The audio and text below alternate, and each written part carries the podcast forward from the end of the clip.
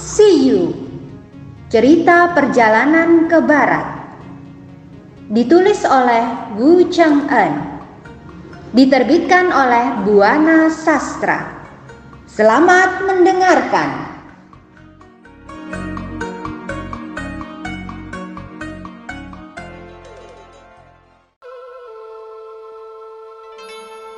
Bab 45 Hong Hai Er ditaklukkan Dewi Guanyin Tang Sanjiang kembali diculik oleh naga buaya. Hong Hai Er menangis kesakitan. Mendengar tangisannya itu, Dewi Guanyin menjadi tak tega. Maka ia pun menghentikan mantranya. Rasa sakitnya pun menghilang. Namun, kaki dan tangan Hong Hai Er masih terbelenggu oleh gelang yang membuatnya kesakitan. Ia berusaha membebaskan diri dari ikatan gelang itu.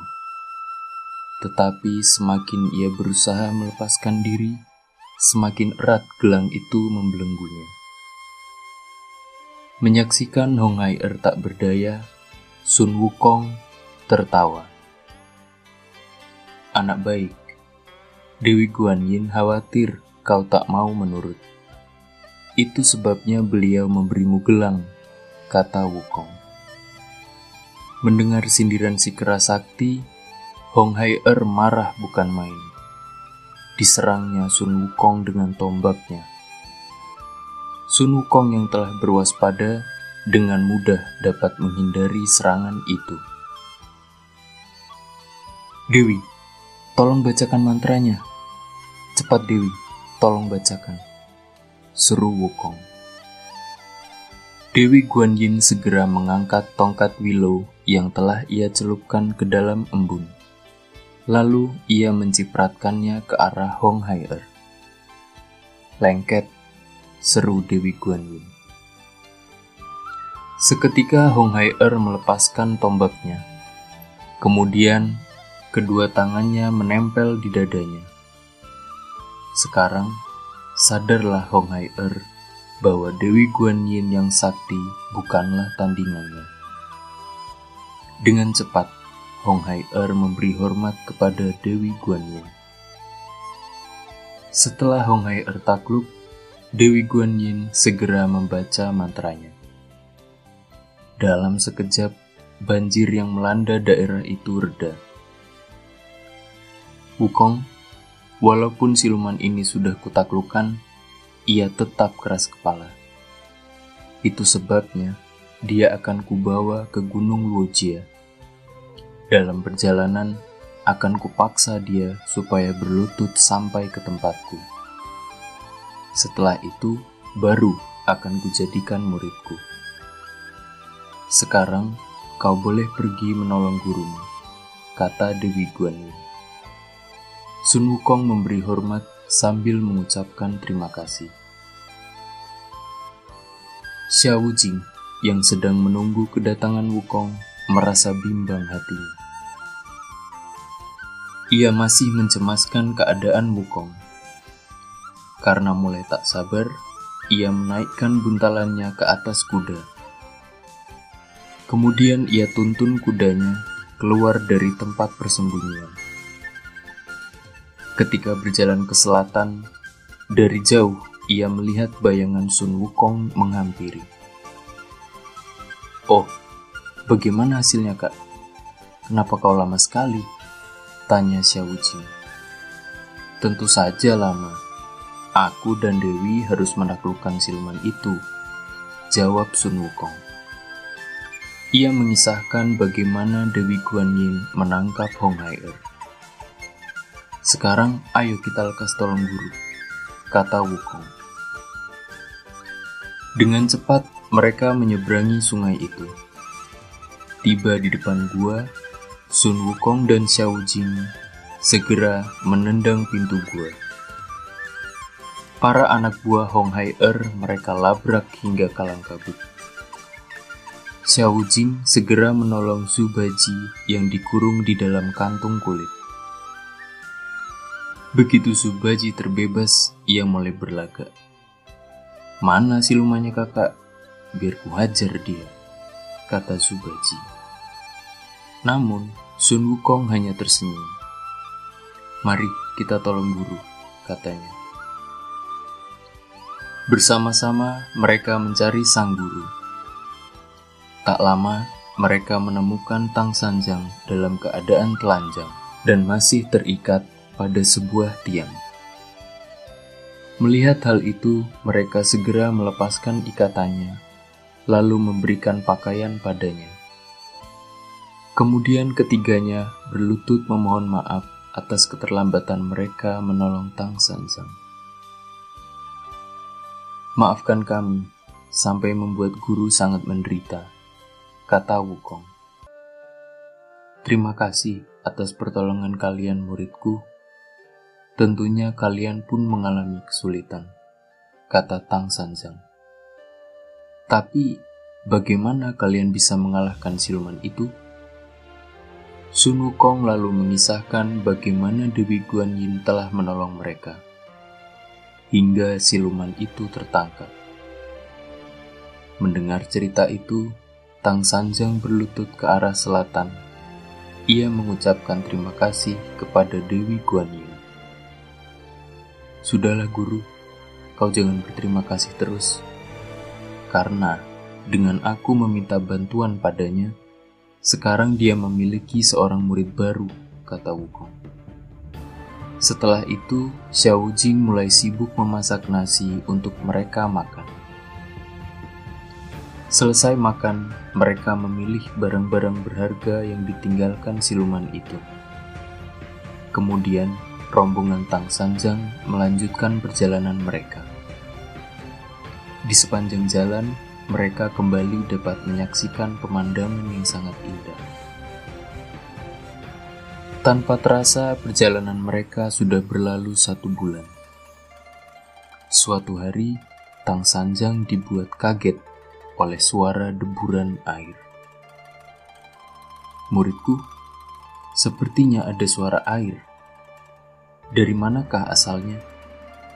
Tanya Tang Sanjang kepada murid-muridnya. Jangan terlalu khawatir, guru. Masa hanya suara air saja membuat guru lupa pada kitab suci? Kata Sun Wukong. Siapa bilang aku melupakan kitab itu? Kitab hati adalah kitab ajaran guru Wu Chao yang terdiri dari 54 baris atau berjumlah 270 huruf. Aku pun hafal di luar kepala karena sering membacanya, kata Tang Sansan. Mata, tanpa bantuan cermin, tentu tak bisa melihat wajah sendiri. Telinga harus tak mendengar, tubuh pun harus mati rasa. Hati harus tentram, dan pikiran harus tenang. Sekarang kalau sikap guru begitu, Bagaimana kita akan berhasil menemui Buddha? Kata Wukong. Kau benar, muridku. Tapi, sejak kita berangkat sampai saat ini, entah berapa banyak rintangan berbahaya telah kita hadapi dan alami. Entah kapan kita sampai ke tempat tujuan, kata Sanzang. Kukira guru masih berpikir yang bukan-bukan, ucap Wukong. Bukankah hasilnya akan kita rasakan nanti setelah tiba saatnya? Sekarang, lebih baik kita lanjutkan saja perjalanan kita. Kakak, guru benar, kata Baji. Kalau kita harus selalu menghadapi bahaya, seribu tahun lagi pun kita tak akan sampai ke tempat tujuan.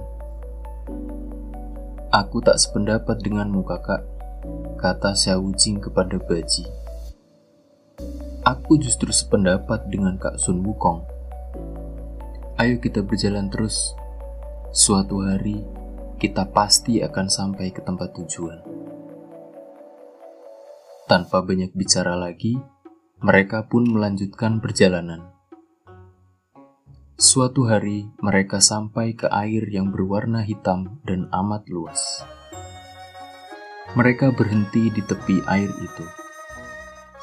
Lihat muridku, air itu berwarna hitam pekat, kata Tang Sansan. Kemudian, Tang Sanjang turun dari atas kudanya. Siapa pula yang menumpahkan cat pewarna di air ini? Kata Baji. Mungkinkah ada orang mencuci bak dan tinta di air ini? Kata Xiao Jing. Sudahlah, kalian jangan berisik dan bercanda terus. Seharusnya kita mencari ide bagaimana caranya menyeberangkan guru. Tegur Wukong. Bagiku, air hitam ini bukan masalah. Bukankah aku bisa terbang? Bahkan berenang pun aku bisa, kata Baji. Bagiku pun demikian. Dengan sekali lompat, aku bisa sampai di seberang, kata Xiao Jing. Kalian benar, bagi kita itu memang mudah. Tapi bagi guru, hal itu amat sulit, kata Wukong. Muridku, berapa luas sungai ini? Tanya Sansa. Kurang lebih 5 km guru, jawab Baji. Sekarang kalian berunding saja. Siapa yang bersedia menggendongku? Tanya Sanjang lagi. Bagaimana di Baji? Apa kau mau? Kata Wukong. Oh, maaf aku tak bisa. Berat tubuh manusia itu luar biasa. Aku tak akan mampu menggendongnya. Jika kupaksa menggendongnya, guru bisa-bisa terjatuh ke air, kata Baji. Di saat yang sama, tiba-tiba di tengah sungai tampak sebuah perahu yang ditumpangi seseorang. Ia sedang duduk dengan tenang sekali. Perahu yang ditumpanginya menuju Tang Sanjang dan kawan-kawan. Hal itu membuat hati mereka menjadi lega. Lihat muridku, ada perahu menuju kemari, seru Tang Sanjang. Tang Sanjang terlihat senang sekali, walaupun perahu itu amat kecil. Tampaknya perahu itu tidak bisa memuat banyak penumpang. Xiao Jing berteriak memanggil tukang perahu itu agar menepi. Ketika tukang perahu itu menoleh, ia berteriak kepada rombongan Tang Sanjang.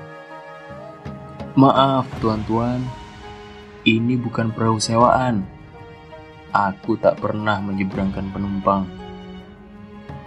Tuan, sekalipun perahumu bukan perahu sewaan, jika kau mau, bukankah kau bisa menolong kami?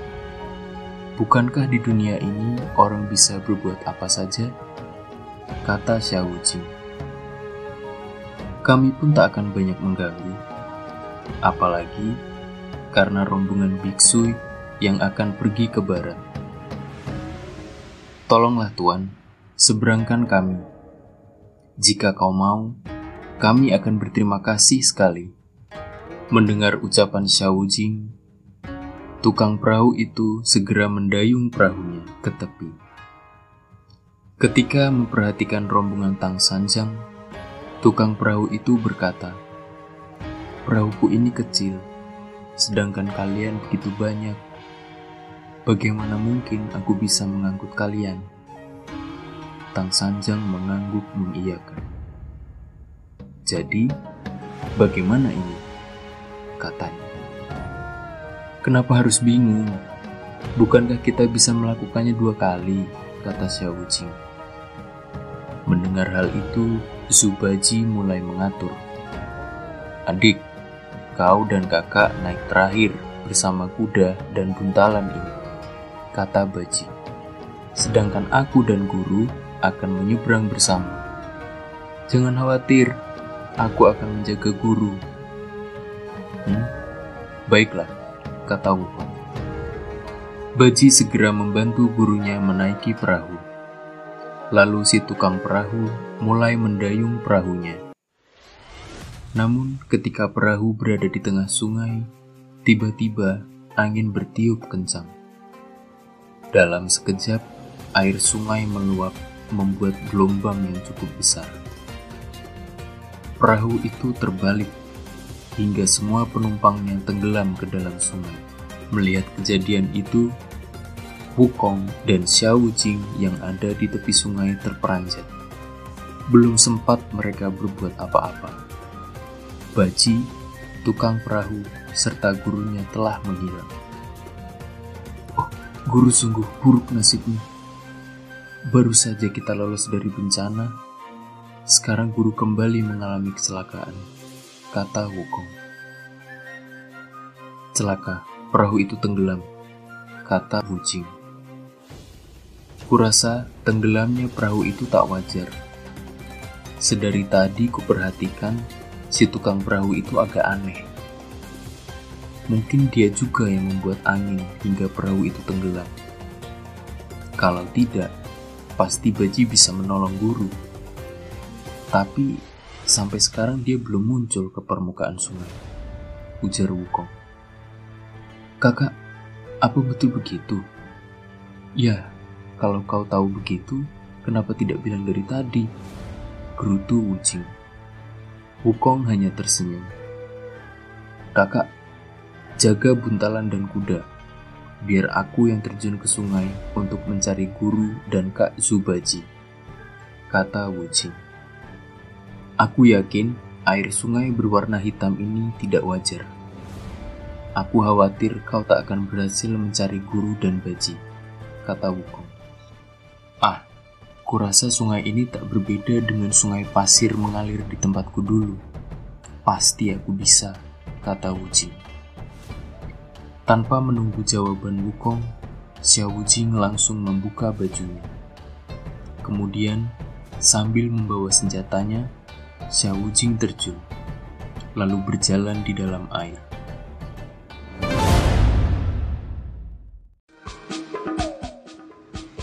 Dengarkan kisah selanjutnya. Terima kasih.